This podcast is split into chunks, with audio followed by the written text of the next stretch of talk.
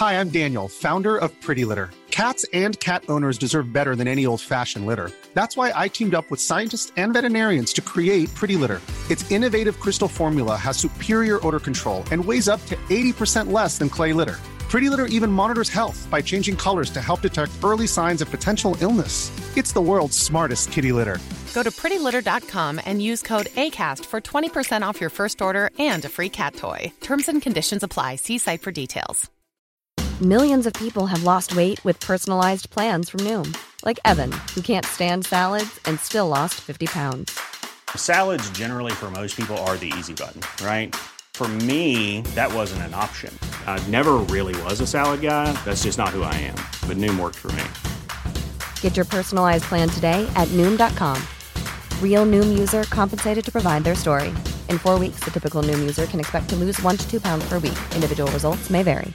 Hiring for your small business? If you're not looking for professionals on LinkedIn, you're looking in the wrong place. That's like looking for your car keys in a fish tank. LinkedIn helps you hire professionals you can't find anywhere else, even those who aren't actively searching for a new job but might be open to the perfect role. In a given month, over 70% of LinkedIn users don't even visit other leading job sites. So start looking in the right place. With LinkedIn, you can hire professionals like a professional. Post your free job on linkedin.com slash people today. I've drummed it into our players that they are privileged to play for you. Call it, take it quickly, Origi! And Mission Impossible is accomplished. It's seven for Liverpool. Sensational, astonishing, incredible. Du hører på Pausepraten, en podkast fra Liverpool supporterklubb Norge. Liverpool skulle til vanlig ha feid Luton Town av Anfield-gresset med få problemer, men med elleve førstelagsspillere på behandlingsbenken så ville det alltid bli vanskelig. Men etter en nervøs første omgang våknet de rødkledde. Så våknet Anfield, monsteret reiste seg, og det gikk som det måtte. 4-1-seier over Luton, og nå venter Wembley. Jeg heter Mari Lunde, og med meg i liverpool.no pausepraten i dag har jeg Stefan Fosse og Torbjørn Flatin. Så vi starter eh, altså med gårsdagen. Luton Town hadde veldig gode muligheter til å ta en skikkelig skalp på Anfield, siden Liverpool var eh, ganske så skadeskutt. Og det så det jo en periode ut som at de skulle klare, etter at de gikk til pause med en 1-0-ledelse. Men så viste Anfield seg fra sin aller, aller beste side. Målene rant inn for Liverpool i andre omgang. Hva var det som gikk galt i første omgang, og hva gikk riktig, holdt jeg på å si, i andre, mener du, Stefan? Nei, det er jo, altså, det er jo uh, a game of two halves, uh, den kampen der, uh, uten mm. tvil. Um, altså, det er veldig enkelt å, trykke, å, se på, å, se på, hva som gikk galt, egentlig. For det, det, var mange nye spillere. Det er et par stykker som ble ute av posisjon. Det er nye fjes. Uh, både for oss og for, for, spillerne som spilte på banen. Hva skal man si da? Det er jo en midtbane som ikke har spilt så mye sammen før. Det er de tre fremme som ikke har spilt så mye sammen før. Uh, I tillegg til at Luton var veldig gode. Mm. Så du så liksom i første omgang at rytmen ikke satt, og det er jo helt normalt når det kommer til lag som ikke har spilt, eller spillere som ikke har spilt så mye med hverandre. Da. Du trenger på en måte den eh, Altså du, du, må kjenne hverandre litt bedre for at, eh, for at det skal sitte litt bedre. Og det syns jeg de tok tak i, i i, pausen, og det, mm. Det, ser man jo i andre omganger hvordan det, hvordan det blir når, når, ting først sitter. da. Eh, og så føler jeg vi må berømme Luton for den taktikken de stiller opp med. Eh, Rob Edwards traff blink på taktikken. Uh, irriterte med holdning, med frispark. Mm. Og det høye presset satt. Men med en gang eh, spillerne gikk litt tomme, så så jo du hva det plutselig ble til. da. Uh, og så selvfølgelig den, Det jeg ser på som den største endringen, er jo den taktikkendringen med Bradley Gomez, som blir satt mer inn i banen, lager overtall på midtbanen, som gjør at Luton-spillerne ikke klarer å følge med. Det blir for mange spillere å, å holde, og til slutt så blir det så mye rom at det blir fire. Ja, eh, Klopp kalte det vel sånn tordenstorm eh, den andre omgangen. Eh, Torbjørn, hadde du Eller hva tenkte du etter første omgang? Hadde du troa på at dette skulle snu? Eh, jeg var i hvert fall såpass bekymra at jeg satte noen kroner på uavgjort. For da tenkte ja, jeg da blir det i hvert fall ikke det.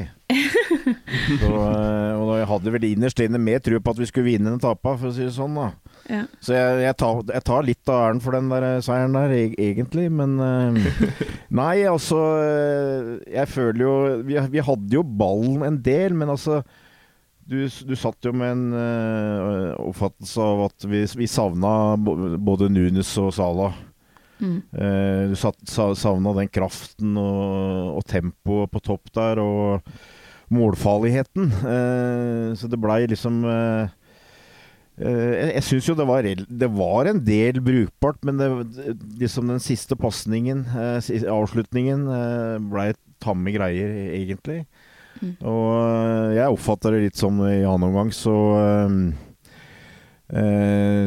altså, altså, Luton spiller modig spill, og all heder til dem for det, men eh, med en del mann mot mannen-markering, bl.a. Og Liverpool ble enda mer direkte, syns jeg, i annen omgang, eh, hvor de utfordra én mot én og, og, dermed skapte overtall. og I tillegg da kjørte Bradley litt høyere, og det var noe, noe vi i stua eh, satt og prata litt om i pausa. Hva, hva, kan vi gjøre her? For på benken så var det jo i realiteten bare et par unggutter som eh, kunne bidra gjøre noe offensivt. Eh, mm. Så, så, en av tankene var å rett og slett satt opp Bradley eh, på høyrevingen, eh, prata vi om, og, eh, og kanskje eh, da tatt Gomez over på, på, høyre og Andy Robbo inn. For eh, Harvey Elliot spilte seg veldig opp i annen omgang, men i første omgang så tror jeg han hadde litt høye skuldre fordi pasningsspillet gikk i hytt og pine en periode der. Mm. Så, så, det var liksom noe av det vi tenkte på. Men jeg, jeg tror det at eh, Og Luton ble nok en del sliten etter hvert òg, eh, som gjorde at til slutt så blei vi bare overmanna dem, egentlig. Så det var jo, etter hvert så blei det jo veldig Veldig imponerende. Men det er klart, eh, helt langt baki der så sitter jo en følelse med at når du har så mye trøbbel som vi har hatt en del over litt tid nå, en dag så får du det midt i trynet. Uh, og det var nok et stund uh, i går kveld hvor du kanskje hadde en mistanke om at det kanskje er i kveld. Uh, men igjen så, så, greide vi det, og det burde jo egentlig snart lære at vi, vi, vi, vi, tar, vi kommer igjen hver gang. Men det, det, ligger vel litt sånn i en supporters natur, tror jeg kanskje òg. At du av og til tenker litt i de baner, da. Men nei, det var det var viktig. Det, og eh, som sagt, eh, utrolig imponerende, syns jeg, med, med de, de, problemene som kom eh, rett før kampen. Og de ressursene som vi liksom har måttet ta fram nå for å få dette til å gå. Ja, for det er jo mye fokus på de spillerne som ikke var tilgjengelige, og vi skal tilbake til den ganske brutale skadelisten senere. Men for å holde det litt positivt litt lengre, da. Er det er det en spiller eller to dere ønsker å trekke frem etter Luton-kampen, Torbjørn?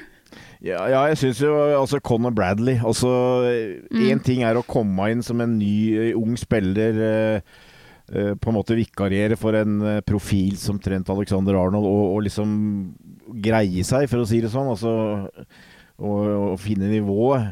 Men han jo, er jo faktisk blitt en som du nesten ser går i bresjen her. Eh, mm. tar tak. Uh, set, setter i gang uh, et liksom in initiativ. Altså, jeg jeg syns det er utrolig imponerende. Uh, og et kjempe, kjempepluss. Og i tillegg så Det er klart, som sagt, vi må grave av litt nå med alle de som er ute. Men jeg syns jo folk som van Dijk, McAllister, Endo, som rutinerte spillere her det, det, er viktig at de står opp, og dem syns jeg sto opp i går.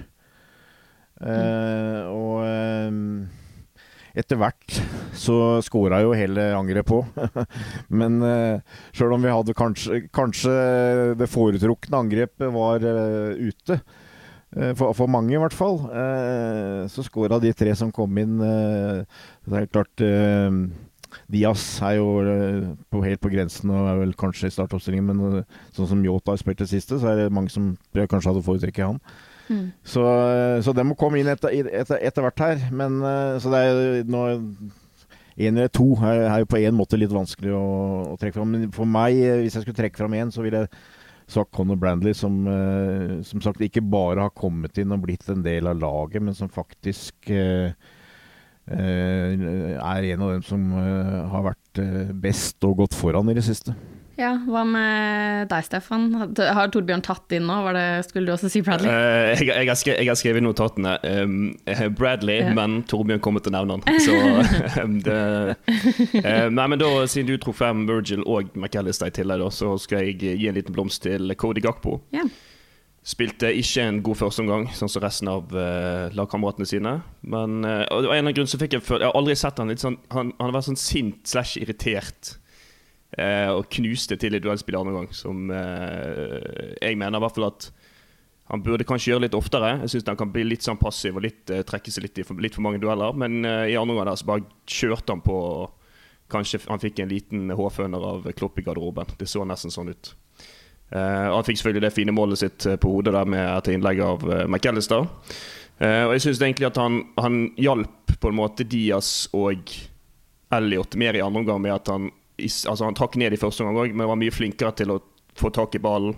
Uh, skape andre baller som, som de, kunne, eh, de, kunne, spille videre på. da eh, Så han vil jeg eh, Jeg syns han gikk foran med et godt eksempel eh, etter pause.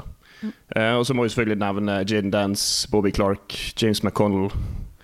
Det, det, det, er mange talenter på akademi for tiden. Det er sånn, før så hadde vi kanskje sånn at Trent han, han kommer til å bli god. Mm. Uh, og Nå sier jeg ikke at noen av de tre kommer til å bli på hans nivå, men uh, jeg føler på en måte at det, det også sitter Trainee Oni på benken. Du har, du har, flere på benken også som, som Det virker som at det, det, ligger talent i kroppen her, og så kommer de inn i tillegg, og så ser du Bobby Clark og James McCall bare får en skikkelig drusa i seg etter 30 sekunder men bare kommer seg rett på beina igjen og gir juling tilbake igjen. Mm.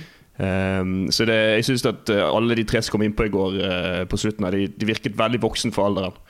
Uh, det så du bl.a. med det fremspillet til Dance og rett før 4-1. Mm. Um, så dette her jeg har gjort på akademiet med denne oppussingen, det, det, ser jo helt fantastisk ut akkurat nå. Så får vi se om det blir førstelagsspiller av de etter hvert. Ja, det blir veldig spennende. Eh, apropos det 4-1-målet. Det var jo da Harvey Elliot som skåret det. Det var Elliots hundrede kamp for Liverpool, og målet var Liverpools mål nummer 100 i alle turneringer denne sesongen.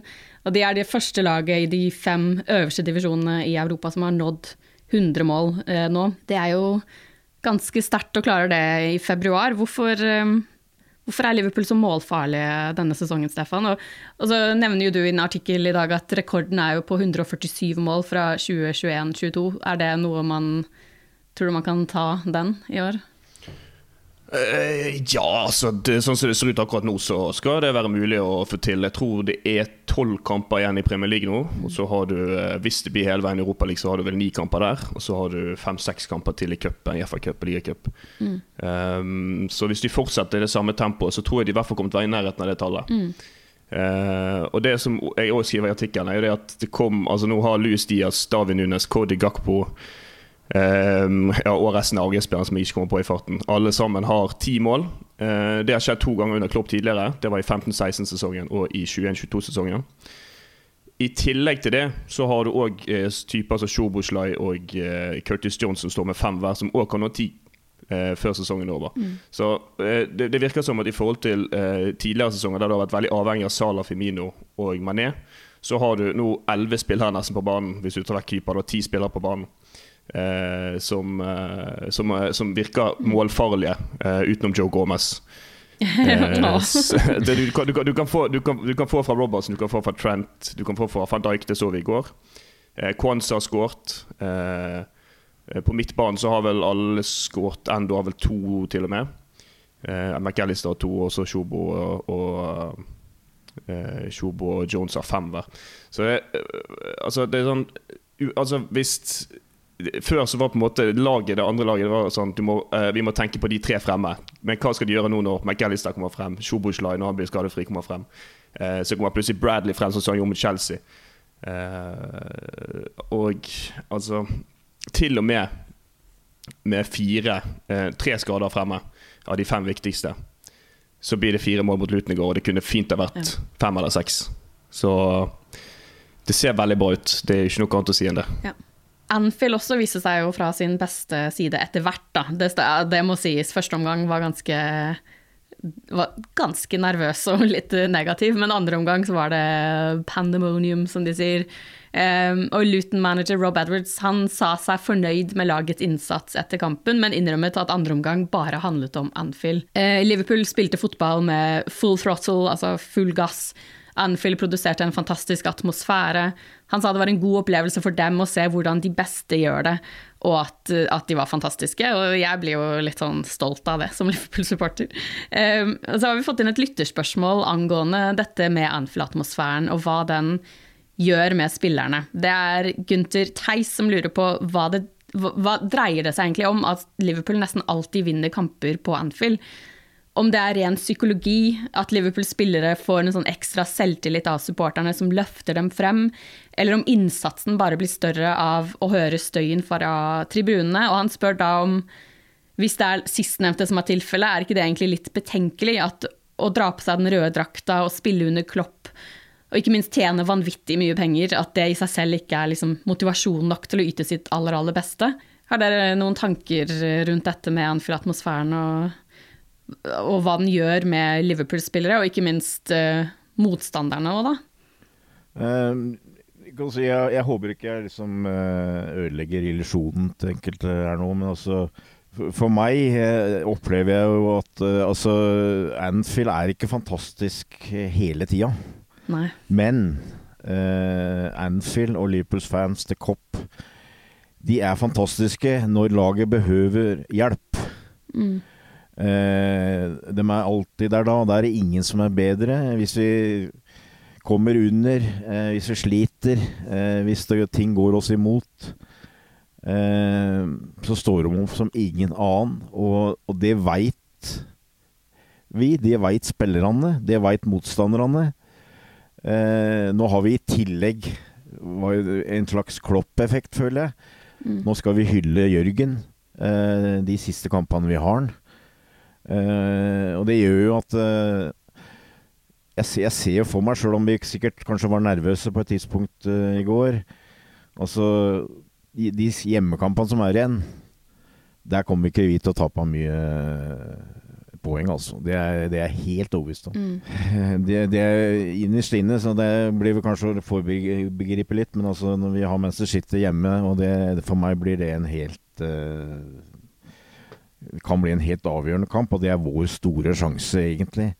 Eh, og så er det jo sånn da generelt at eh, det er nå tross alt eh, sånn at de fleste lag uh, gjør det bedre hjemme enn borte. Det er liksom sånn, det høres uh, På en måte så skjønner jeg at dette er litt rart. Altså det er samme banen og samme ballen og samme spillerne, men uh, det, det, har noe med altså, Selvfølgelig altså, For eksempel, altså, i år så har Liverpool hatt, hatt det sånn at vi ofte har vært under pari, eller litt skuffende før pause. Mm. Eh, og på en, bort, på en, bortekamp, kanskje. Og Sjøl om Liverpool er veldig bra når det gjelder fans på bortekamp, og møter opp og veldig lojale osv., så, videre, så er det kanskje litt vanskeligere der å liksom uh, ta seg virkelig sammen og virkelig løfte seg. Eh, mens det vil aldri bli tillatt på Anfield. Mm. Aldri. Eh, og, og det, det, ligger i, i bånn der. Og som sagt, altså jeg har opplevd eh, Anfield mange ganger, og det, også, det har vært veldig variasjon på stemning, lyd osv. Men jeg står for det, at eh, når det virkelig gjelder, når det virkelig er noen som har behov for å, å få støtte, så er det ingen som ber det. Nei. For Anfield er jo en veldig sånn uh, Jeg vil si reaksjonær, men det er kanskje et feil ord. men sånn man, man det, Stemningen avhenger mye av det som skjer på banen, og mye av det som skjer på banen avhenger av det som skjer på, eh, skjer på um, tribunen. Det må liksom et eller annet til. Sånn som i går, så følte man etter hvert at dommeren kanskje ikke var helt på Liverpools side. Og så i andre omgang kommer laget ut og, mm. og liksom pusher. Og det får jo da The Cop til å liksom eh, holde på å gå av skaftene. Man skjønte jo det, hvilken vei det kom til å gå ganske tidlig i andre omgang, fordi supporterne ba om det. Um, for eksempel en sånn spiller som uh, Conor Bradley, han, han, han, kan få i gang en film. Altså, mm. Bare for å dra en sånn liten ting. Altså, Uh, jeg var så heldig at jeg fikk stå en del på The Cop på 80-tallet, hvor ja. Liverpool vant det aller meste. Mm. Og det kunne være kamper på høsten der hvor det var faktisk ganske laber stemning, holdt jeg på å si rolig. Men når det kom litt utover i sesongen, eh, og, men, og, og, kanskje også spesielt da hvis du kom under eller et eller annet sånt noe, så bygde det seg opp. ikke sant? Du begynte å kjempe, du begynte å se slutten på sesongen. Du begynte å kjempe om ligagullet, ikke sant. Du var med, og det hele tida bygde seg opp. Men å si det at det var elektrisk stemning i hver eneste kamp eh, da, mm. det var det ikke. Mm. Men det var elektrisk stemning når det var behov, på en måte behov for det. Eh, så ja, det, det, er et eller annet på en måte magisk. Og han, eh, han treneren til Luton prata vel om at eh, det var som at de, de sugde fire mål inn i nettet, liksom. Mm. Eh, han sa noe han, i nærheten av det. Eh, og det var jo et av de eh, ordene disse her setningene til Shankly òg, hvor han prata om at det var, var verdt et ekstra mål. Og i går følte du at de hjalp til å, å, snu det der kamp, kampbildet. Ja, for det jeg skulle si, jeg hadde med meg mamma på tribunen i går, så hun sto med meg på The Cop. Og hun er jo da ja. 67 år gammel eh, og bruker høreapparat. De tok henne ut etter hvert. Hun sa at det var altfor intenst. Så. Ja, ja. Men nå, når vi snakker om det med 80-tallet, forresten. Eh, det har vært mye sånn diskusjon på sosiale medier i det siste om at eh, mange Liverpool-supportere velger å ikke ha på seg liksom, drakt eller ha med skjerf, eller altså ikke går i rødt. Eh, hvordan var det på 80-tallet? Det var veldig nøytralt. Ja, det var det. Ja, eh, det var eh, svart genser, også en liten pinn, ofte. Ja. Så jeg veit ikke eh, hvorfor, egentlig. Altså, de, de kledde seg ut når det var finaler. Ja. Da showed you color. Mm. Eh, kanskje noe med da, datidens ting, at det kom bortesupportere inne på The Cop og litt forskjellig sånt. At det skulle, skulle, ikke vise seg for mye, på en måte. Jeg, jeg veit ikke, men det var kanskje også noe med at Ja, jeg, jeg veit ikke. Det var, det var liksom eh, Du skulle ikke på en måte Ja Jåle deg ut, på en måte. Så det var Vi er, vi er skausere her, og og vi støtter laget uansett, men de hadde ofte en sånn liten pinn eh, på seg, og det, og det, var alt. Ja, fordi man ser de der, sånn bilder fra er det sånn Chelsea-kampen eller noe i 2005, med alle skjerfene som liksom mm. dekker uh, The Cop, ja, ja. men det er jo et ganske sjeldent syn, egentlig. Ja, det, det, var noe, det, var noe, som kom etter hvert, at du hadde sånn Flag Day f.eks. Ja. på uh, store europacupkamper og sånn. Uh, så det, det, var litt uh, spesielt, da. Men det, har jo forandra seg veldig. Det er jo mye mer nå. Men de hadde kanskje et flagg som de uh, festa uh, handa. For å liksom ta, ta, opp når det, det um, You Never Walk Alone var. Mm. Men det var i stor grad alt, altså. Ja. Og i hvert fall på bortekamper. Ja. Over til noe litt kjipere, da. Liverpool har jo da to veldig One size fits all seems like a good idea for clothes until you try them on. Same goes for healthcare. That's why United Healthcare offers flexible, budget friendly coverage for medical, vision, dental, and more. Learn more at uh1.com. It's that time of the year. Your vacation is coming up. You can already hear the beach waves, feel the warm breeze, relax, and think about work. You really, really want it all to work out while you're away. Monday.com gives you and the team that peace of mind. When all work is on one platform and everyone's in sync, things just flow wherever you are. Tap the banner to go to Monday.com. Millions of people have lost weight with personalized plans from Noom, like Evan, who can't stand salads and still lost 50 pounds. Salads, generally, for most people, are the easy button, right? For me, that wasn't an option. I never really was a salad guy. That's just not who I am. But Noom worked for me. Get your personalized plan today at Noom.com. Real Noom user compensated to provide their story. In four weeks, the typical Noom user can expect to lose one to two pounds per week. Individual results may vary. I'm Sandra, and I'm just the professional your small business was looking for. But you didn't hire me because you didn't use LinkedIn jobs. LinkedIn has professionals you can't find anywhere else, including those who aren't actively looking for a new job but might be open to the perfect role like me. In a given month, over 70% of LinkedIn users don't visit other leading job sites. So if you're not looking on LinkedIn, you'll miss out on great candidates like Sandra. Start hiring professionals like a professional. Post your free job on linkedin.com/people today. Hey there, it's Michelle Norris. I'm host of a podcast called Your Mama's Kitchen. When I travel, I'm usually looking for a way to find a taste of home when I'm not at home. And one of the things I love to do when I am at home is entertain. And Airbnb allows me to do that. When I was in California recently, I rented a house that had a great kitchen. And when we were sitting around the table, we we're all thinking, we're in someone else's house. Someone could be in all of our homes as well. If you have a home, but you're not always at home, you have an Airbnb. Your home might be worth more than you think. Find out how much at airbnb.com/slash host. Veldig sterke ligaseiere bak seg de siste dagene, altså 4-1 over Luton, og ikke minst 4-1 borte mot Brentford på lørdag. Men den Brentford-seieren ble jo veldig kostbar. Diogo Jota og Curtis Jones ble skadet. Begge var ute mot Luton og blir ikke klare til eh, ligacupfinalen på Wembley på søndag. Eh, for Jota så skal den skaden være ganske alvorlig, har jeg skjønt. og Det er snakk om flere måneder på sidelinjen, ifølge Klopp. Samtidig, etter den Brentford-kampen, så gikk det rykter i Egypt om at Salah, som ble skadet under Afrikamesterskapet, men var tilbake mot Brentford og skåret og noterte målgivende pasning, at han også ble skadet i den kampen mot Brentford.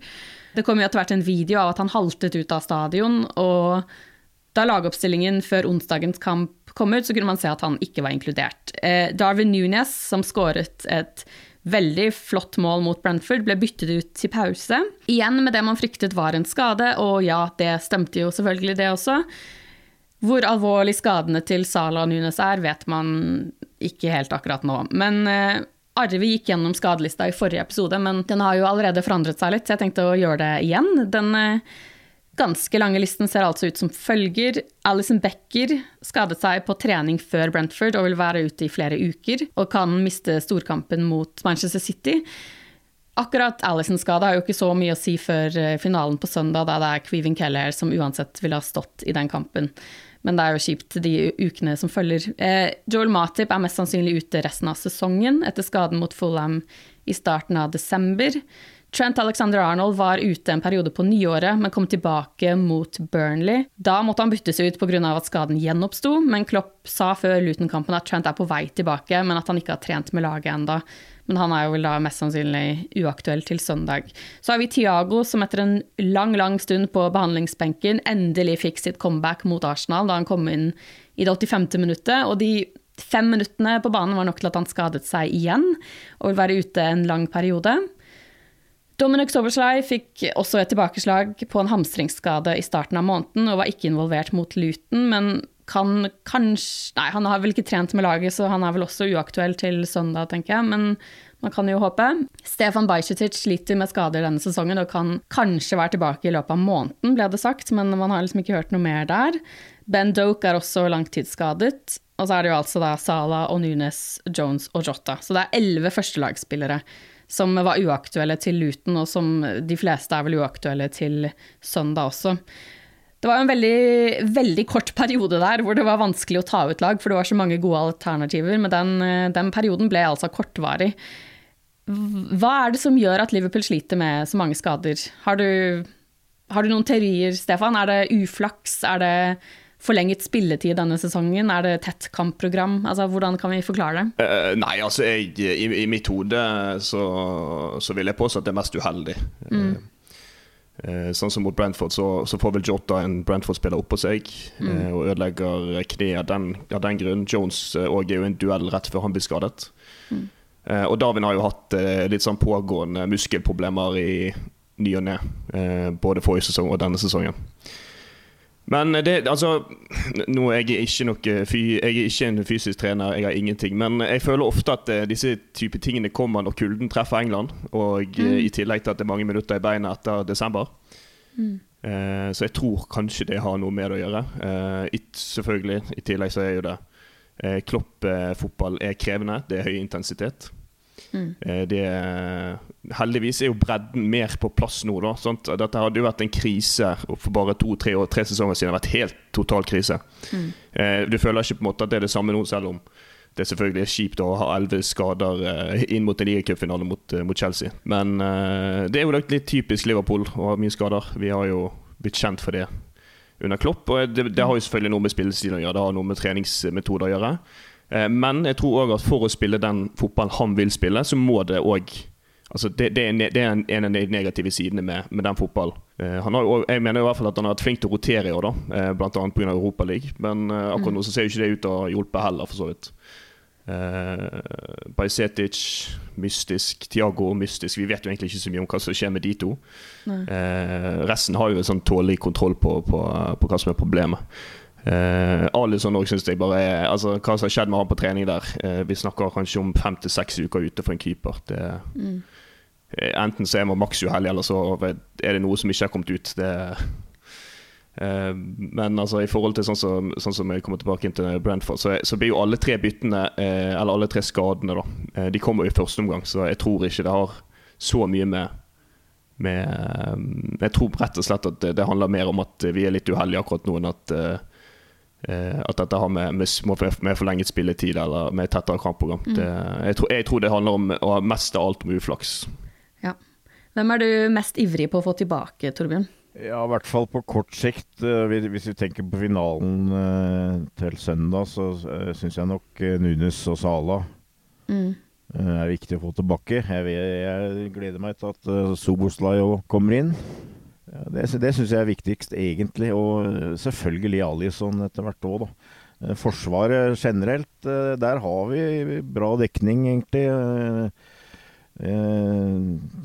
nå er det vel nesten bare i gåseøynene Trent som er ute, så det ser vi ut som vi greier å, å dekke opp ganske bra.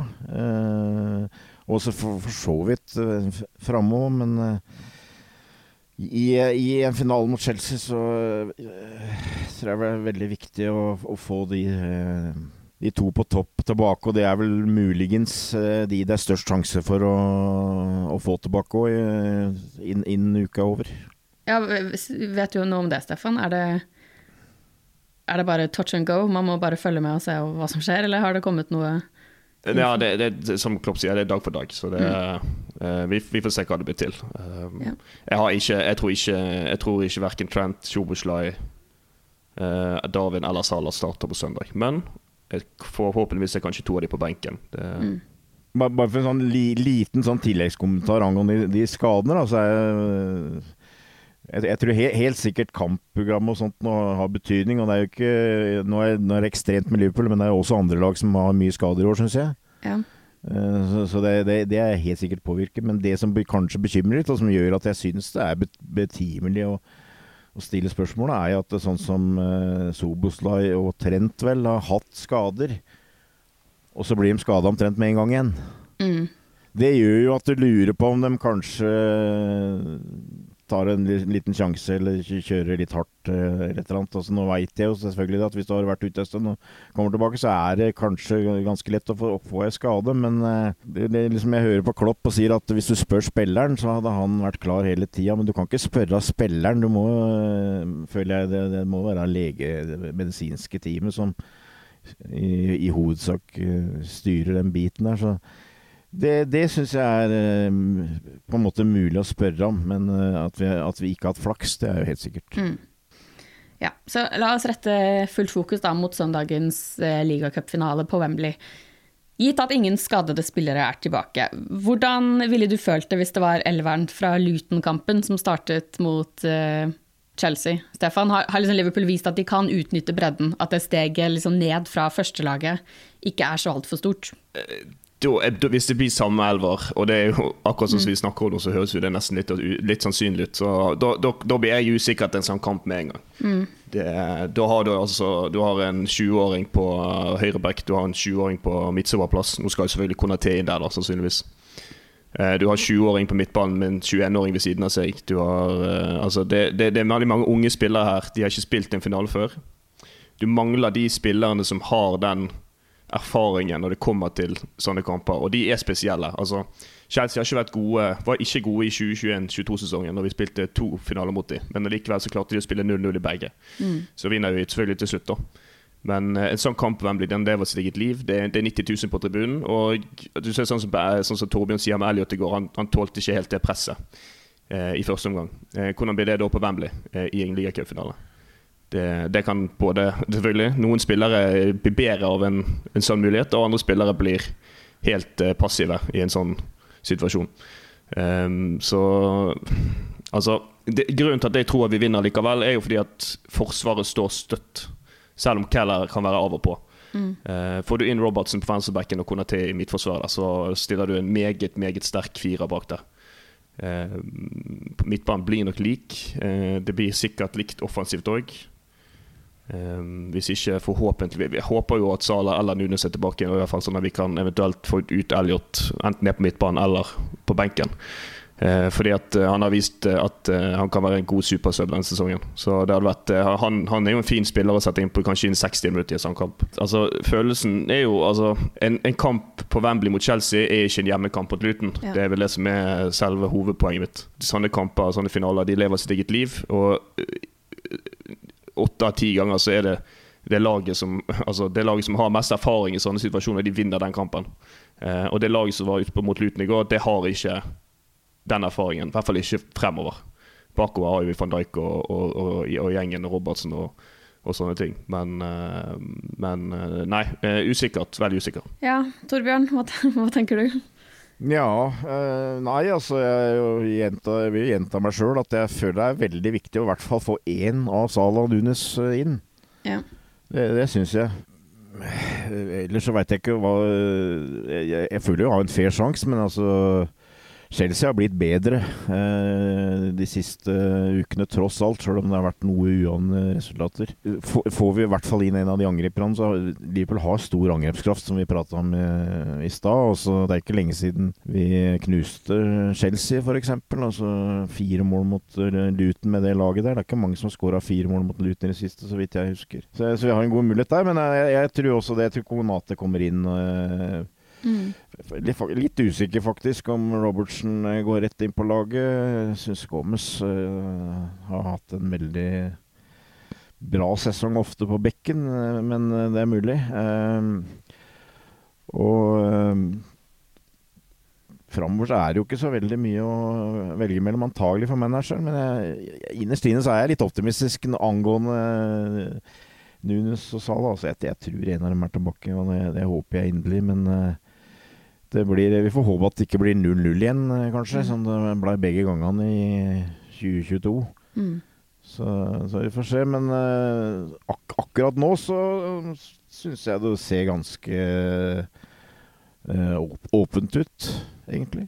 Mm. Kan bare legge til én ting, og det er at uh, jeg satt og så på den uh, City-Chelsea-kampen på, på, lørdag. Mm. Og Chelsea har underprestert i hele år, det er jo ingen tvil om. Uh, de, de, men, men i, i, i, sånne enkeltkamper så viser de at, uh, at de, de, kan holde et veldig høyt nivå. Og det gjorde de i den kampen i 60-70 minutter. Så faller de litt gjennom, selvfølgelig, men altså det òg City på Etiad. Det er en kamp som er vanskelig for absolutt alle lag i hele verden. Uh, og det, Den trenden har gått litt igjen. Jeg, nå har jeg ikke den statistikken i hodet, men jeg vet at Chelsea har vært ganske brukbare mot de beste lagene i Premier League i år. Uh, og jeg vil påstå at vi er et av de beste lagene i Premier League. Så jeg tror det blir tøffere enn mange kanskje forventet for en mm. måned siden. Det tror jeg. Ja, jeg møtte jo på vår eh, kollega Tore Hansen før kampen mot Luton, og han var jo klar på at den Luton-kampen betydde veldig mye mer enn det søndagens kamp gjør. Uh, og det er jo klart at Tapet tap i ligaen nå føles jo ganske sånn katastrofalt. Men nå som man har vunnet den kampen, og er det søndagen man ser frem til, så vil man jo selvfølgelig vinne søndagens kamp. Og jeg tror at et ligacuptrofé vil lette litt på det presset på Klopp de siste månedene, for man har jo veldig lyst til å gi han den perfekte avskjeden. Hva tror dere, er det liksom Er det en litt sånn vinn-vinn-situasjon? For det er liksom ikke verdens undergang å tape en ligacup, men så er det jo veldig fint å vinne òg, da. Ja, man, eh, man, man, vil jo vinne Man vil jo vinne eh, Liacupen, selvfølgelig. Spesielt nå når man er i finalen. Altså, det har vært gjennom to semifinaler mot Fulham. Det har vært eh, Westham, det har vært eh, Leicester. Det, du har jo jobbet deg gjennom med ganske brukbare lag til å komme her til, så det er jo ingen tvil om at Liverpool satser ganske brukbart. Ikke sånn Premier League-nivå høyt, men ganske brukbart på å ta den pokalen hjem igjen, sånn som i 2022. Eh, altså, det er snakk om vinn-vinn. Jeg tror ikke det er en kjempevinn å tape en sånn kamp. Mm. Eh, for det kan skape litt sånn eh, nå, nå, hadde vi første hinderet denne sesongen. Vi har, vi har fortsatt fire trofeer å kjempe om, og så ryker den første. Da tror jeg det kan komme en litt sånn jeg, ikke, jeg vil ikke si uro, men det er sånn Målet du har kjempet for de siste tre månedene, som, altså, man, ikke, altså, man, sier jo kvadruppel fordi at det, er kvadruppel ennå. Uh, man må jo si det på den måten. At det, det er jo det de kjemper for. De kjemper på, i, om alle fire trofeene. Og hvis det første ryker, så tror jeg det kan være en liten sånn knekk på, uh, på, på selvtilliten. Men altså, selvfølgelig igjen. det med, med, tanke på situasjonen og alt uh, rundt. Uh, så selvfølgelig, hvis du vil tape en turnering, så vil du tape nå på søndag. Du vil ikke tape FA Cup, Europaliga eller Premier League foran, foran dette. Så litt sånn halvveis enig, men ikke helt enig. Den er god. Hva tenker du, Torbjørn? nei, nei, jeg syns det er litt vanskelig på en måte. Altså, verden har forandra seg. og Uh, I gamle dager så var det sånn at uh, ligacupen uh, får, får, vinne den tidlig. Det var veldig ålreit. Da var du sikra å spille i Europa, i hvert fall. Nå er det liksom Nå er det Champions League som, det, som gjelder, på en måte. I mye større grad enn mm. det var den gangen. Jeg, jeg, jeg føler jeg jeg, jeg, er litt, litt med på at det kanskje så Klopp at det her slipp deres løs, det er finale osv. Jeg tror vi skal greie å få det til at det ikke var verdens undergang om det ikke går. Eh, men selvfølgelig så har vi lyst til å, lyst til å vinne den. Men eh, mm. den perfekte avslutninga for Klopp for meg er jo å vinne ligaen. Ja. Eh, så jeg skjønner Tore. Eh, nå, Åssen blir det nå? Eh, nå er det over ei uke til neste ligakamp, f.eks. Og vi har en FA Cup-kamp et, etter Chelsea. Og jeg, jeg, vi, vi, har lyst til å gjøre det bra i FA Cupen også. Vi er, selvfølgelig. Eh, Kvadruppel høres helt fantastisk ut, men jeg, jeg, tror ligaen og Europa League i utgangspunktet kommer til å bli prioritert ganske hardere enn FA-cupen, i hvert fall de første rundene. Mm der. Eh, selvfølgelig i, i, en finale på Wembley i Liacupen så topper du laget og, og, og, prøver alt du kan. Om du vil ha noe sånn veldig påvirkning eh, siden, det er, det er, jeg ikke så sikker på. Altså det, det, det, tror jeg ikke. Men vi får, vi får bare krysse fingra og ja, om, om, om, om, Klopp vil, føle et større press om han taper den kampen, jeg, jeg, jeg veit ikke, mm. Mari. Jeg er litt usikker. Han, det er helt sikker på at han har lyst til å i hvert fall gå ut med en pokal, så sånn sett så hadde det kanskje vært deilig å ha den der ene i skapet, da. Men uh, jeg tror både han og, og, liksom. vi er det, er det er ligaen som vi virkelig har lyst til å vinne. Altså, det hadde vært som sagt den perfekte avslutningen hvis han kunne gå ut med et ligamesterskap. Men jeg, jeg, jeg har lyst til å bare noe som vi, jeg følte på, var toucha innom i stad. som jeg, eh, Jürgen Klopp kommer til å etterlate seg en rik arv når han går. Mm. Eh, og en del av det er det at eh, vi har fått det sånn at eh, alle, både junior- og senioravdeling, nå trener sammen på akademiet. Eh, og det har jeg tenkt litt på, egentlig. også denne sesongen her med med Conor Bradley, eh, med Jarl Kanza, eh, med de unge spillerne som nå kommer opp og sånt nå, det tror jeg har hatt en veldig positiv påvirkning. Eh, jeg kan ikke huske Det har liksom vært så mye spillere som på en måte bare har kommet inn og tatt, tatt nivået. Mm. Så ja, jeg, hadde bare lyst til å nevne det, for det tror jeg òg er én ting som de kommer til å huske Jürgen for, og som kommer til å gagne klubben i, i mange år framover. Mm. Ja, enig i det. Jeg tenkte kanskje å ta en sånn oppsummering på hvem vi ønsker å se da, fra start på søndag. Da regner jeg med det er Kelle Harry Mall, selvfølgelig. Um, men vil dere ha Andy Robertson inn, eller ei? Jeg vil ha Andy Robertson. Mm. Torbjørn var litt usikker, eller? Ja, jeg, jeg, ja, jeg, jeg, jeg vil skal jeg være litt mot strømmen her, så jeg tror jeg ville starta med Gomez. Og mm. heller hatt Andy Robbo som en uh, joker hvis vi trengte å få noe mer uh, trøkk framover på sida der. Altså Chelsea Chelsea spiller uh, med De har gode midtbanespillere som såkalt sitter og uh, satser på kontringer med hurtige angripere her. Og det tror jeg Gomes uh, kan være grei å, å, ha der fra start. Så det er sånn hipp som happ, men uh, jeg tror kanskje jeg ville starta med Joe Gomes. Ja. Og um, Conor Bradley selvfølgelig på høyre back, og van Dijk og Konaté da i midten. Mm. Ja. Yep. ja.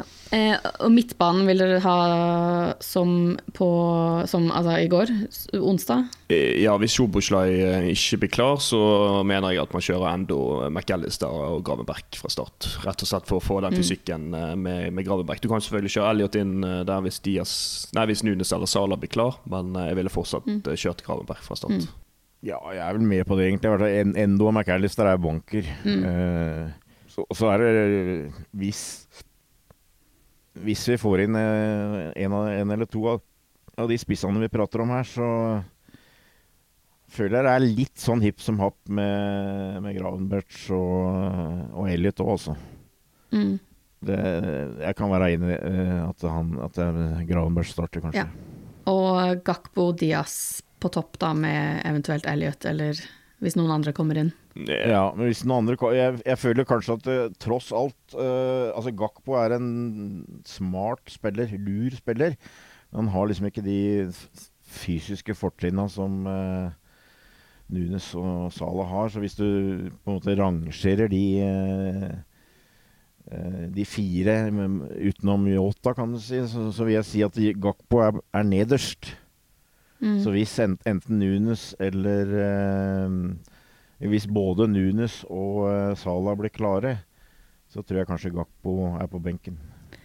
Ja. Eh, ellers så har vi ikke så veldig mye å, sp mye Nei, å spille med. Da regner jeg med eh, Hvis begge er skada, så blir det vel antagelig Elliot på, på sida der. Ja, Det var det jeg tenkte på da jeg satt og prøvde å gi dere alternativer. Så Det er jo liksom ikke så veldig mange alternativer her. Nei, det er ikke det. det, det, det jeg slipper opp for dem, dessverre. Ja. Ja, ja. Det blir i hvert fall veldig, veldig spennende på søndag. Da. Lykke til til dere, og lykke til til alle som uh, har hørt på. Vi uh, krysser fingrene for at avskjedsturneen til Klopp fortsetter med å kunne løfte ligacuptrofeet på Anfield South, Wembley, på søndag. Takk for nå. Ha det. Up the Reds. Takk for nå. The best word I can say, but uh, will describe this was boom. Ooh, what was this? It was really good.